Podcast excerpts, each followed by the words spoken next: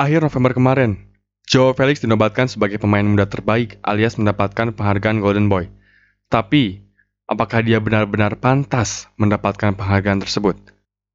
Balik lagi bersama gue, part-time father di rubrik Long Shot Taker.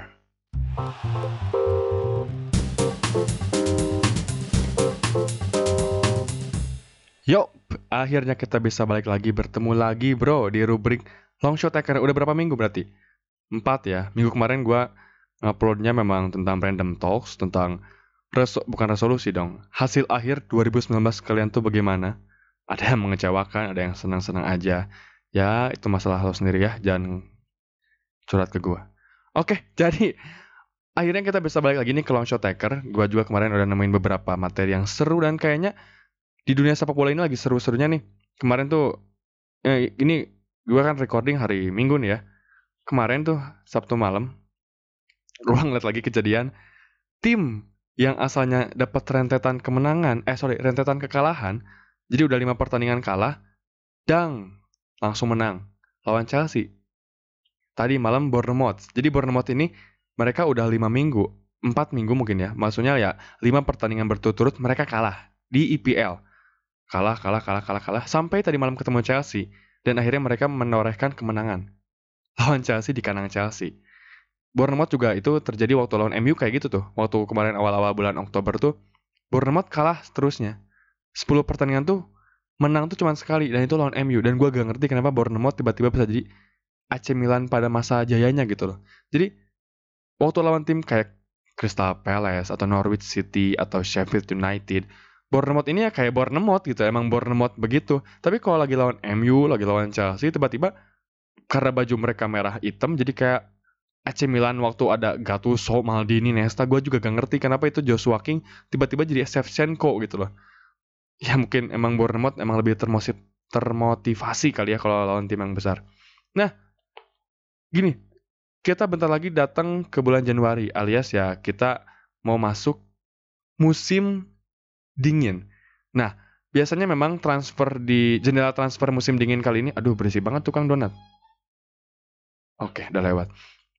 Jadi mungkin ya di bursa transfer musim dingin ini emang nggak terlalu rame itu sama biasanya ya jual beli pemain tuh emang jarang banget terjadi di bulan Januari karena memang mereka masih ada di pertengahan kompetisi sehingga pemain pun mungkin bakal mikir dua kali mau ninggalin tim yang dia bela. Takutnya kejadiannya kayak Coutinho yang akhirnya ya dia flop di Barca, katanya pindah ke Barca mau dapat tiga champion, padahal buktinya semenjak dia pindah ke Barcelona, Liverpool masuk final dua kali juara sekali, dan itu menurut gue itu kesalahan Coutinho yang terlalu terburu-buru pindah ke Barcelona di masa pelatihnya adalah Ernesto Valverde. Salah di sana menurut gue. Terus tapi nggak nggak jadi nggak jadi patokan sih kalau Januari itu bakal gagal gitu pembeliannya. Pembelian paling berhasil menurut gue di bulan Januari Marcelo. Meskipun sekarang formnya formnya dia itu lagi nggak baik sih. Maksudnya kayak lagi melempem back kirinya juga biasa aja, nggak kayak musim-musim kemarin yang begitu superior duetnya bersama Ronaldo ya kan. Sumpah itu dia saya back kiri tapi kayak sayap kiri gitu loh. Tapi untuk musim ini ya dia biasa aja sih. Real Madrid musim ini lebih menonjol pada Fede Valverde. Terus biasanya di bursa transfer Januari ini pasti klub-klub membutuhkan pemain baru. Salah satunya klub yang paling membutuhkan pemain baru adalah Manchester United, klub kebanggaan saya sendiri. Jadi mohon Solskjaer tolong dengerin podcast gue. Tolong juga siapa kamu? Edward Ward sini dengerin. Frank Lampard juga kayaknya butuh pembelian baru karena baru dicabut hukumannya. Sini dengarkan.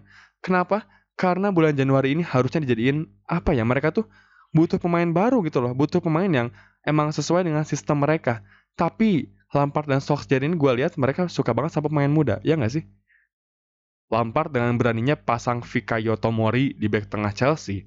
Umurnya 19-20 muda pokoknya U21. Dan di bawah asuhan Solskjaer, Greenwood udah 8 gol, 1 assist, 18 tahun. Dan dia juga nyetak brace di Europa League yang mana itu rekor termuda untuk pemain MU. Dan ini dua ini emang Solskjaer dan Lampard ini emang masih percaya dengan pemain muda dan salutnya ke mereka berdua itu sih. Yang mereka berani lah untuk memainkan pemain muda. Nah, kebetulan akhir November kemarin ada penghargaan Golden Boy. Siapa yang gak tahu Golden Boy? Lu bisa searching Golden Boy ini penghargaan yang udah ada sejak tahun 2003 dan sejak 2003 selalu dimenangkan oleh pemain tengah, pemain serang, pemain depan, sorry. Jadi semenjak 2003 ini pemain depan udah 8 kali menang, gelandang udah 8 kali menang, dan back baru satu. Baru satu orang yang menang back. Siapa coba tebak? Matisse Delic. Matisse Delic. Yang kayak pemimpin Nazi itu loh. Dia kan kalau ngomong waktu di Ajax kayak pemimpin Nazi gitu kayak apa? Ya diktator banget itu. Ya cuman Delic ini memenangin, memenangkan Golden Boy ini berarti tahun lalu 2018 di mana dia jadi uh, melangkah jauh bersama Ajax juga Liga Champion ternyata buktinya dia membawa dua trofi uh, bersama Ajax. Ya menurut gue itu worth it sih. Dan emang tahun lalunya juga dia emang bagus sih. Dia Delik emang menunjukkan performa yang stabil. Dia juga sebagai back mencetak gol melalui headingan, sundulan dan menurut gue dia aerial aerial threat yang paling berbahaya sih untuk musuh-musuhnya gitu ya di zona 18. Nah, untuk tahun ini banyak banget nama-nama baru yang muncul dan menurut gue ini untuk para pemain PES, pemain FIFA, mereka harus tahu karena pasti untuk main manager, eh sorry untuk main manager atau master league itu butuh pemain baru, eh pemain muda, sorry. Ada sih kayak beberapa pemain yang menurut gue gak pantas ada di list ini sih. Sebutin ya. Ada Joe Felix, Sancho, Havertz, Broad Helen, Delig, Ansu Fati, Foden, Donnarumma, Nicolo Zaniolo, kemudian ada juga Daniel Malen, Mason Mount, Rodrigo, Vinicius Junior, Moiskin, dan Andy Lunin. Ada juga Joe Veljic, Gwendozi sama, sama Tom Davis. Nah, menurut gua, kita bahas dulu deh ya. Jadi Golden Boy ini diadain sama Tuto Sport. Tuto Sport ini media asal Turin, Juventus, sorry, media asal Turin Juventus nyebutnya ya. Media asal Turin di Italia yang sejak 2003 emang suka ngadain penghargaan Golden Boy pasti diikuti oleh umur 21 alias di bawah 21 under 21 dan harus dari Liga Top Eropa. Kemudian, kenapa sih Mbappe gak ada di tahun ini? Gak ada catat apa? Gak ada nominasi Mbappe gitu. Kenapa sih Mbappe gak masuk kandidat? Karena gini loh. Messi aja dulu cuman menang Golden Boy sekali karena menurut pemimpin redaksi media Tuto Sport ini mereka nggak pingin ada pemenang dua kali berturut-turut jadi mereka mah pengennya tiap tahun ganti tiap tahun ganti makanya Messi cuman sekali menangnya kalau Messi menurut gue kalau media ini menyetujui untuk menang dua kali mungkin Messi jumlahnya sama kayak Ballon d'Or kali ya Golden Ball-nya eh Golden Boy-nya gitu Dah waktu muda juga udah bagus kan Messi Ronaldo juga udah bagus Rooney apalagi kan yang jadi makanya kenapa mereka setuju untuk ya sekali aja lah menangnya gitu dan pemenang pertama itu Rafael van der Vaart 2003. Terus juga di 2006 nggak tahu 2004 itu Rooney. 2012 itu Paul Pogba setelah dia menjuarai Piala Dunia U17. Kemudian juga di 2008 itu ada Anderson. Tahu Anderson pemain MU itu loh yang katanya bagus, yang konyol gitu orangnya. Terus 2015 eh 13 itu ada Mario Götze, 2015 itu ada Martial. Kemudian juga 2017 18 eh 17 itu ada Mbappe. Tadi Mbappe itu menang ketika masih main di AS Monaco dan pindah ke Paris Saint-Germain. Dia jadi pemain muda terbaik Golden Ball kala itu. Golden Boy, sorry kok Golden Ball terus ya. Jadi menurut gua ada beberapa nama yang gak pantas ada di sini. Gua belak-belakin aja, Fatih sama Guendouzi menurut gua gak pantas. Bukan berarti gua membenci fans Arsenal, eh, gua membenci Arsenal ya. Tapi menurut gua Eh menurut lu pantas gitu Gwendozi? Tom Davis juga sebenarnya nggak pantas sih. Tapi kayak apa ya? Ya mereka berdua sebenarnya nggak pantas dan gue milih Gwendozi aja gitu. Biar fans Arsenal sadar kalau biasa aja Gwendozi itu, sumpah. Bagusan Torreira, kenapa yang main kenapa yang dimainin Gwendozi sama Saka? Kadang-kadang Gwendozi pun gak main, kadang-kadang Saka sama siapa pemain tengahnya. Jadi Gwendozi ini menurut gue B aja. Dia satu gol dua assist tahun kemarin juga. Terus Ansu Fati, ini Ansu Fati gue gak ngerti. Oke, umurnya 17 tahun. Oke, umurnya 16 tahun dan baru ulang tahun kemarin jadi 17 tahun. Oke, dia pengganti Messi ketika cedera, boy. Gitu loh. Jadi Messi tuh cedera. Terus bingung harus meng-up siapa lagi karena Carlos Perez juga udah ada di line up. Griezmann juga belum nyetel waktu di awal-awal. Ya akhirnya mereka memutuskan untuk ambil deh Ansu Fati nyobain gitu. Terus catatannya emang cuma 3 gol 1 assist waktu dinominasikan ini tuh loh jadi waktu nominasinya diumumkan, catatan dia tuh cuma 3 gol 1 assist dan beberapa pertandingan, tapi dia udah masuk gitu loh.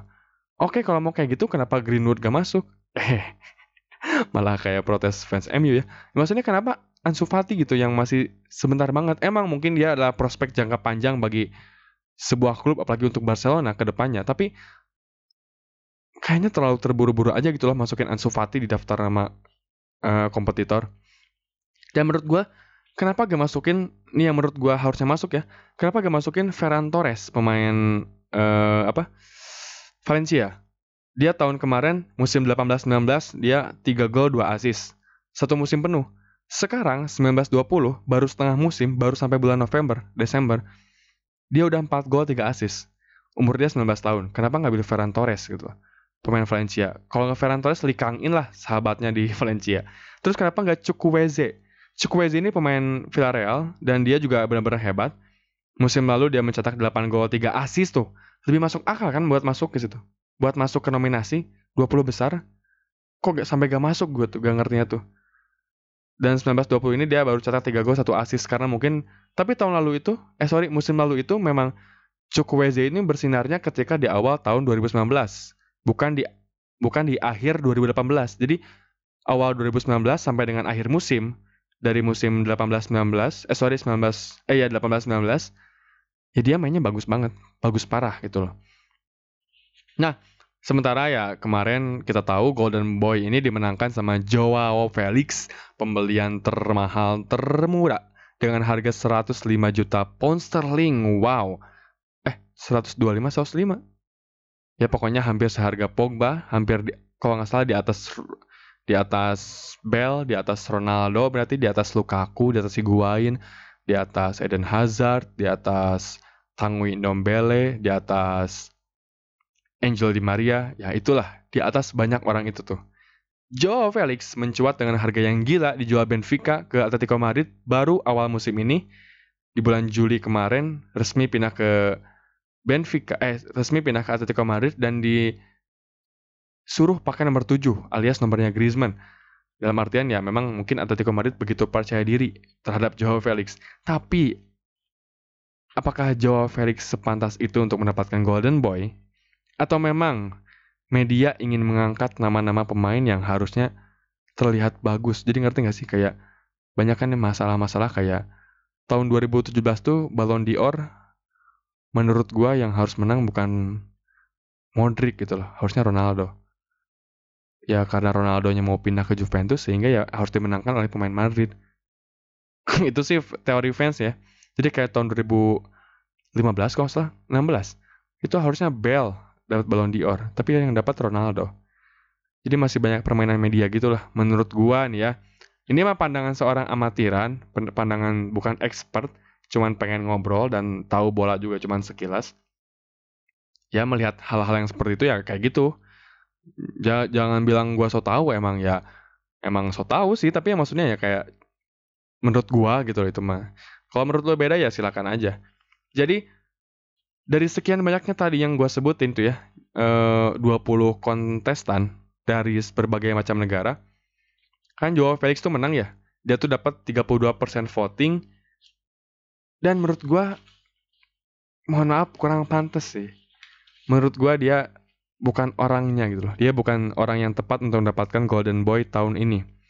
Karena menurut gue masih banyak, gak masih banyak sih, mungkin masih banyak nama yang setara, tapi ada satu nama yang menurut gue lebih dari dia dan pantas bener-bener pantas dapetin Golden Boy tahun ini. Oke, kita uh, jadi gue udah bikin lima orang yang paling pantas uh, bukan paling pantas ya, paling berharga, paling hebat di umur under 21 gitu loh.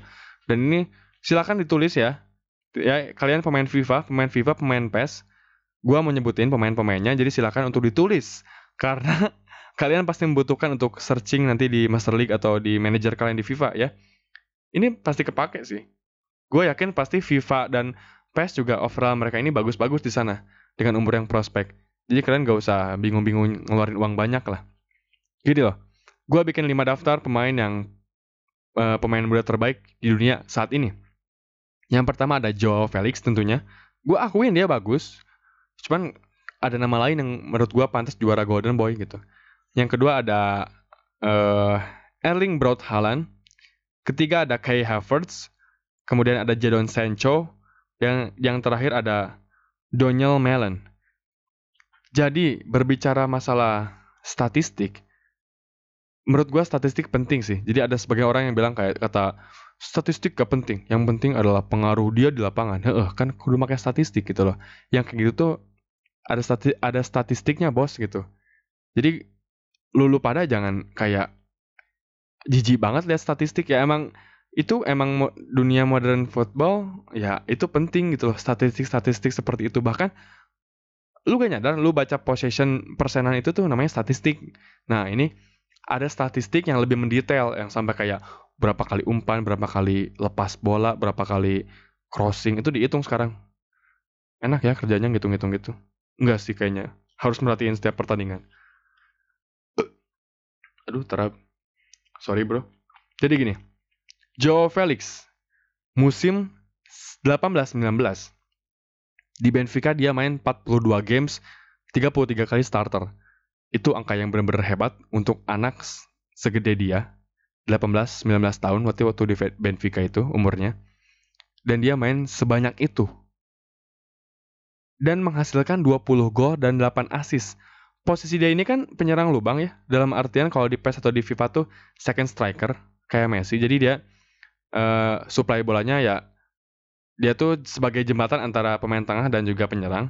Karena Benfica ini dia nggak pakai nggak pakai apa ya nggak pakai klasik number 10 jadi dia tuh nggak pakai playmaker nomor 10 dia pakainya uh, dual striker langsung dan satu sebagai jembatannya. Ya ini Joao Felix di situ tuh yang berperan sebagai jembatan tersebut.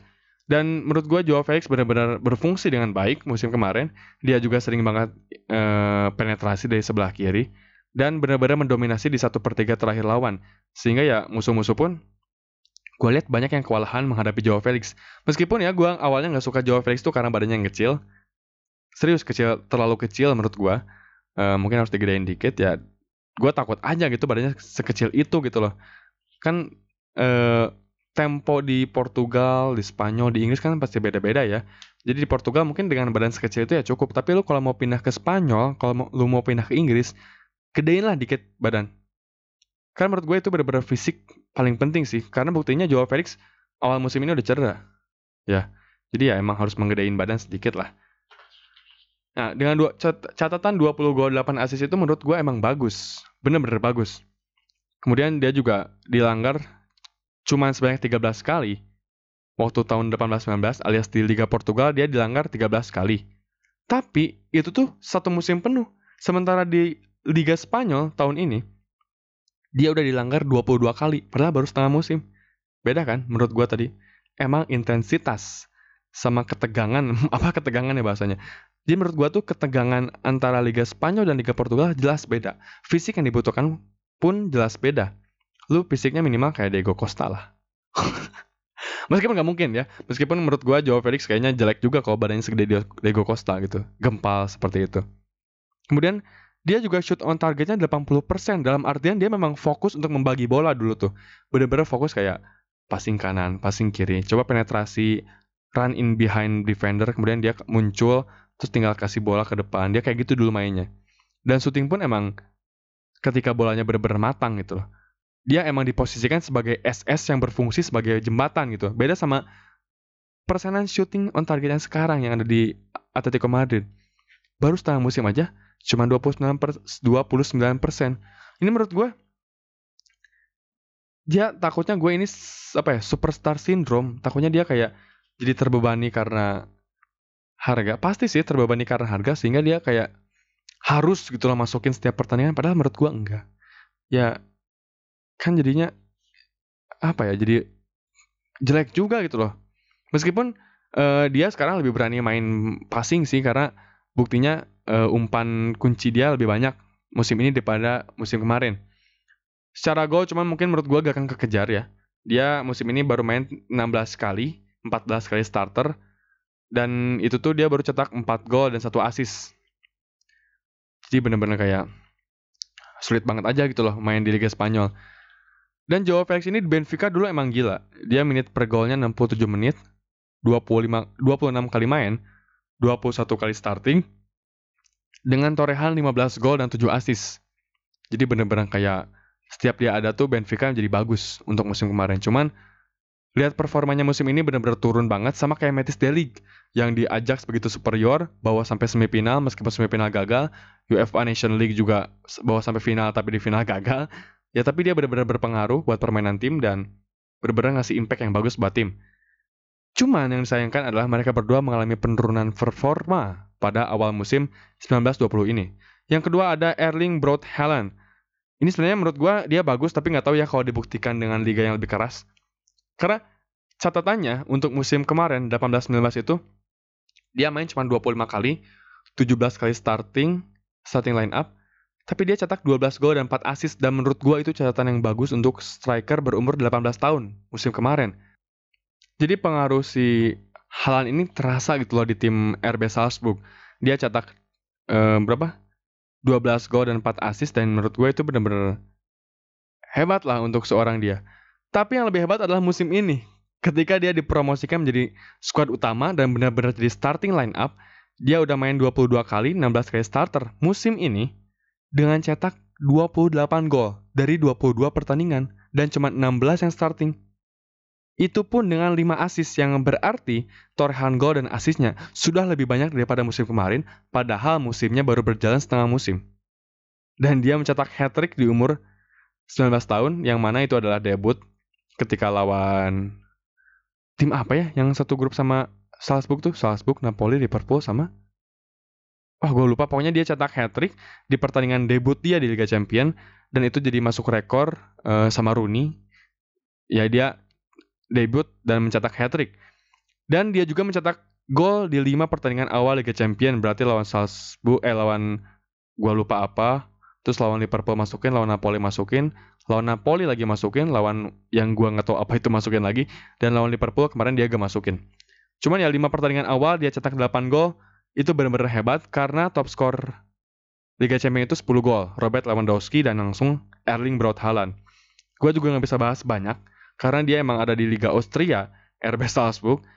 Tapi menurut gue ya dia harus dites untuk masalah ketajaman seperti kayak fisik dia mungkin tinggi banget ya. Dia larinya juga kayak robot. Dan dia ternyata kaki kiri.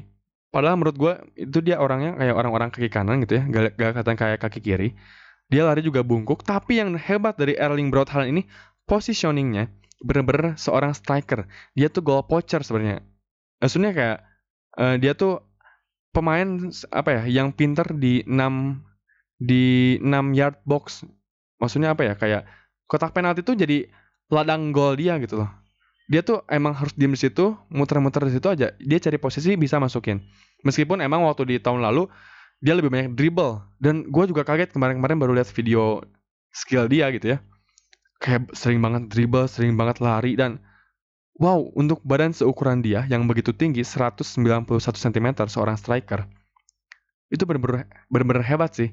Benar-benar kayak uh, cara dia lari, cara dia dribble dan itu nunjukin kalau dia emang striker yang bisa gimana aja dengan badan tingginya. Cuman yang jadi masalah sekarang ada di tangan Helen. Apakah Erling Braut Haaland ingin jadi seseorang yang cuman tinggi tapi nggak bisa jadi striker bagus atau mentok atau pengen jadi striker tinggi yang bisa bagus banget Zlatan Ibrahimovic. Jadi ya kita bisa nebak lah Helen ini ke depannya bakal jadi Ibrahimovic atau bakal jadi Peter Crouch. Meskipun Peter Crouch menurut gue bagus. Dia kan legenda Liga Inggris ya. Cuman kan dibandingkan sama Ibra jauh gitu maksudnya. Itu sih di tangan Helen ya. Jadi Helen mau pindah ke MU Helen. gua ini kita bahas dulu yang lain. Menurut gue sih Helen gak akan bagus di MU sih dia nggak cocok sama sistem MU. Menurut gue ya, kurang cocok aja gitu, kurang masuk sama permainan MU. Ya meskipun gue nggak tahu sih bakal bagus atau enggaknya, cuman ya menurut gue sistem MU tuh nggak cocok aja sama seorang Helen yang bermain seperti itu gayanya gitu loh. Yang cocok tuh ya gitu, yang lari-lari. Rashford, Daniel James, Greenwood. Dan menurut gue juga MU udah punya Greenwood jadi kayak udahlah Greenwood aja. Meskipun emang sih harusnya gue sifatnya kayak fans Manchester City. Mereka kan punya Sane, punya Bernardo Silva, punya Ma eh punya Sane, Bernardo Silva, sama Sterling, tetap aja beli Mahrez, kayak gitu kan ya. Jadi gak apa-apa sih kalau pindah ke MU, cuman gue masih pengen lihat Greenwood aja gitu, lebih sering. Yang ketiga ada dari Kai Havertz. Menurut gua, menurut gua dia overrated musim ini.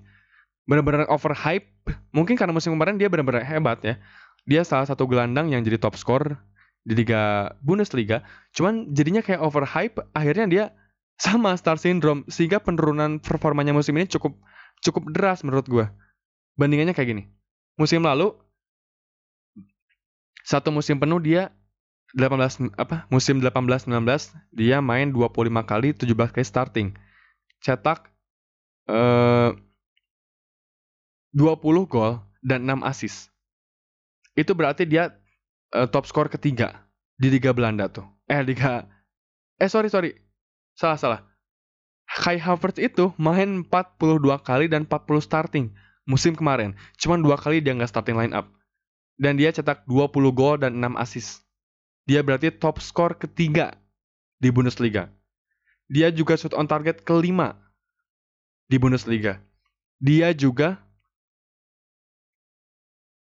memiliki apa ya? Umpan yang begitu bagus 35% key pass. 35% eh 35%, 35 umpan kunci dan dengan persenan passingnya itu 87%. Itu satu musim penuh. Oke, dia pantas dapat Golden Boy. Musim lalu. Tapi dengan penurunan performanya di awal musim ini, benar-benar bikin gue kecewa gitu loh. Dia udah ganteng kan padahal gitu. Cuman kayak, wancur, wancir. Kok gue udah percaya diri banget kayak Havertz bakal jadi pemain tengah yang bagus. Dia malah bikin gue kecewa gitu loh. Musim ini dia emang untuk KPS kayaknya bakal lebih daripada musim kemarin karena umpan kuncinya udah sampai ke angka 22. Cuman baru setengah musim aja passingnya udah 80 5%. Ini kan nunjukin ya mungkin dia lebih berani untuk passing. Tapi ya kayaknya jadi overhype aja gitu. Dia bahkan musim ini dispossessed ball-nya atau lepas bola dari kaki, kaki dia sampai 25 kali. Meskipun uh, dispossess Messi sama sama Hakim Ziyech tuh sampai ke angka 70 sepertandingan kadang-kadang. Tapi ya kan mereka emang ada buktinya gitu, ada hasilnya dengan gol dan assist mereka. Sementara Hakim eh sementara Havertz ini musim ini 18 kali main. 18 kali starting dan baru cetak 3 gol dan 1 assist. Jadi menurut gue benar-benar kayak wow. Turun banget gitu loh. Benar-benar turun aja gitu loh. Untuk masalah performa kayak gitunya. Karena menurut gue gak yakin gue bakal cetak 17 gol di bulan Januari sampai bulan Mei. Kayak Havertz gitu. Padahal kan musim ini katanya mau pada dibeli tuh kayak Havertz 100 juta. Apalagi kalau MU Barca, Real Madrid yang ngawar 100 juta masang harganya tuh. Tapi musim ini padahal dia lebih berani sih emang. Kayak ngambil keputusan kayak buat passing-passing ke depan. Terus terobosan bola pun dia uh, ada di... Oh enggak, dia paling banyak di Bundesliga tuh. Terobosan tuh paling banyak sama dia. Ya mungkin Aranguiz, dia percaya sama Aranguiz atau sama Leon Bailey yang biasa lebih menusuk dari sayap. Sehingga ya kayak Havertz juga mungkin pede-pede aja passing. Ya tapi kita lihat aja deh. Masalah statistik gol dan asisnya emang menurun, tapi masalah permainan dia ada sedikit perkembangan, semakin jadi lebih dewasa, semakin lebih berani dalam mengambil keputusan. Cuman ya gue yang gue sesalin kenapa gak seproduktif tahun lalu aja gitu. Karena gue harap dia pindah ke MU. tapi jangan deng. Mahal ah, yang murah-murah aja tapi yang pasti ya. MU mah beli aja James Madison atau Jack Grealish atau Jadon Sancho. Bah, kita bahas Jadon Sancho ya. Jadon Sancho ini musim kemarin benar-benar hype, benar-benar keangkat. Dia musim kemarin tuh 64 key passing untuk seorang sayap kanan, 64 key pass. Itu gila. Itu benar-benar angka yang gila. 60 key pass coba sok. 43 pertandingan, 31 kali starting, 63 key pass, 63 umpan terobosan, 13 gol dan 16 assist. Itu kan kayak wow wow banget gitu loh musim kemarin musim lalu dia cuma 40 shot dan menurut gue itu ya cukup banyak untuk seorang sayap. Kemudian dia juga punya persentasi passing berhasilnya sampai 85% dan itu gede banget untuk seorang striker yang berposisi sayap yang mana emang tugasnya itu mengirimkan passing ke tengah biasanya lewat cutback atau lewat crossing-crossingnya dan dia berhasil kebanyakan. Sehingga persen passingnya pun masih tinggi, 85%. Dia juga musim ah ya pokoknya musim kemarin bagus banget lah Jadon Sancho. Dan konsistensinya di bawah sampai ke musim ini. ini kan hari Minggu ya. Karena udah main nih tadi malam uh, lawan Mainz. Dortmund itu menang 4-0 dan Jadon Sancho kembali menghasilkan satu gol dan satu assist. Berarti Jadon Sancho adalah satu-satunya pemain bola di Eropa yang sudah mencapai double digit. Double digit itu kalau lu nggak tahu yang udah cetak 10 gol dan 10 assist. Dan itu Jadon Sancho, orang pertama satu-satunya yang menghasilkan double digit di musim ini. Meskipun Messi ada di kedua, Messi itu udah 14 gol dan 9 assist. Dia tinggal bikin satu assist lagi yang double digitnya jadi dua orang. Cuma Jadon Sancho udah kayak gitu. Udah cetak berarti 11 gol dan 12 assist di seluruh kompetisi. Dia tuh hampir 79 menit per gol atau per assist. Jadi hampir setiap 80 menit dia kalau gak ngegolin gak assist. Karena jumlah pertandingannya pun 21 kali dan 19 kali starting line up. Artinya dia emang irreplaceable. Emang Sancho itu emang jadi bagian penting dari seorang Dortmund. Nah, dia juga udah ngasilin 48 dribble complete yang artinya tetap skillful seperti tahun lalu dan 32 kesempatan, 32 chance yang artinya dia dia begitu kreatif dan menghasilkan banyak banget kemungkinan gol untuk timnya meskipun Dortmund sekarang tidak berada di papan atas karena uh, Borussia Mönchengladbach masih memimpin, Bayern Munchen di posisi kedua, eh Dortmund posisi kedua dan Bayern Munchen mengikuti. Gak tau kebalik. Pokoknya Dortmund dan Munchen masih underperform di Bundesliga karena mereka sering buang-buang poin ke tim-tim kecil. Tapi menurut gua, Jadon Sancho adalah pemain yang pantas mendapatkan Golden Boy. Ini serius. Jadon Sancho pantas mendapatkan Golden Boy. Konsistensi dari musim lalu, performanya dari musim lalu, sampai dipanggil timnas Inggris, di timnas Inggris pun begitu gemilang. Dan statistik mengatakan kalau dia memang begitu memberikan influence yang besar buat timnya. Jadi Jadon Sancho ini menurut gue benar-benar pantas dapat Golden Boy. Konsistensi dan jumlah gol yang menurut gue nggak terlalu jauh sama Joe Felix. Felix puguh tugasnya. Uh, dia tuh memang se seorang goal getter meskipun uh, tidak tidak diwajibkan ke dia karena tugas utamanya Metro Glow gitu. Cuman Jadon Sancho apalagi gitu loh. Jadon Sancho sayap yang difungsikannya sebagai apa dong ya feedernya si Paco Alcacer. Jadi dia kayak kalau bisa ngolin ya bagus gitu loh. Kalau menurut gua tuh. Jadi ya Jadon Sancho ini benar-benar pantas dan dia masih 19 tahun. Jadi Jadon Sancho ini bisa jadi RW atau right wing yang benar-benar apa ya bisa jadi hebat lah ke depannya asal dia gak salah milih tim. Dia harus cari tim yang memang sesuai dengan sistem dia bermain sehingga ya dia bisa ngeluarin potensi seluruhnya. Dan gua nggak tahu itu MU atau bukan, tapi gua harap MU beli Jadon Sancho ya. Please. Oke, okay. Dan yang terakhir ada Daniel Melan. Ini adalah pemain Arsenal yang dibuang ke PSV dan dia berhasil mencetak banyak sangat gol.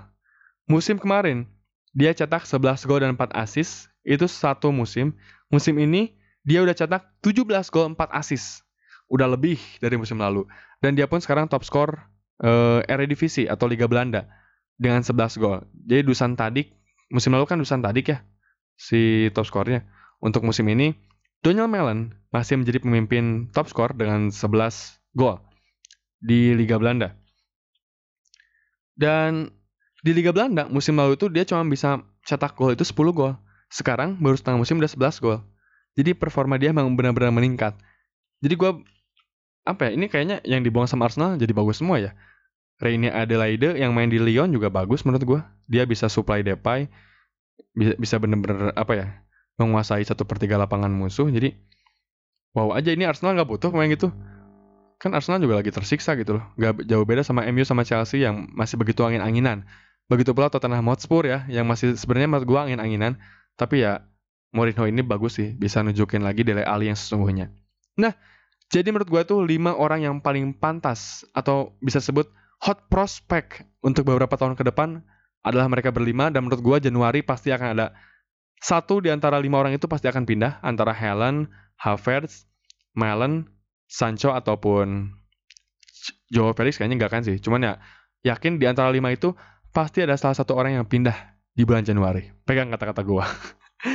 yang jelas mereka harus nemuin sistem yang begitu cocok dengan mereka sehingga ya mereka bisa ngeluarin potensi mereka, mereka bisa tetap nunjukin kalau diri mereka tuh emang berfungsi dalam sebuah tim. Karena menurut gua ada beberapa pemain yang bagus tapi nggak cocok sama sistem permainan. Takutnya mereka jadi flop, turun mental mereka turun, dan ya mereka jadi apa ya useless dan susah untuk meningkatkan lagi permainannya karena banyak pemain muda yang kayak gitu. Federico Macheda contoh paling jelas di Manchester United, Rafael Morrison, kemudian Adnan Januzaj itu gue pemain MU semua tahunya karena gue ya fans MU. Kalau di luar mungkin ada Bojan Krkic, mantan Barcelona. Dia cetak 900 gol di La Masia. Gila nggak tuh angka? 900 gol La Masia, tapi gagal di Barcelona A, di, di tim inti Barcelona. Jadi emang harus cari sistem yang pas. Mungkin mereka bisa jadi pohon yang begitu subur lah buat tim itu.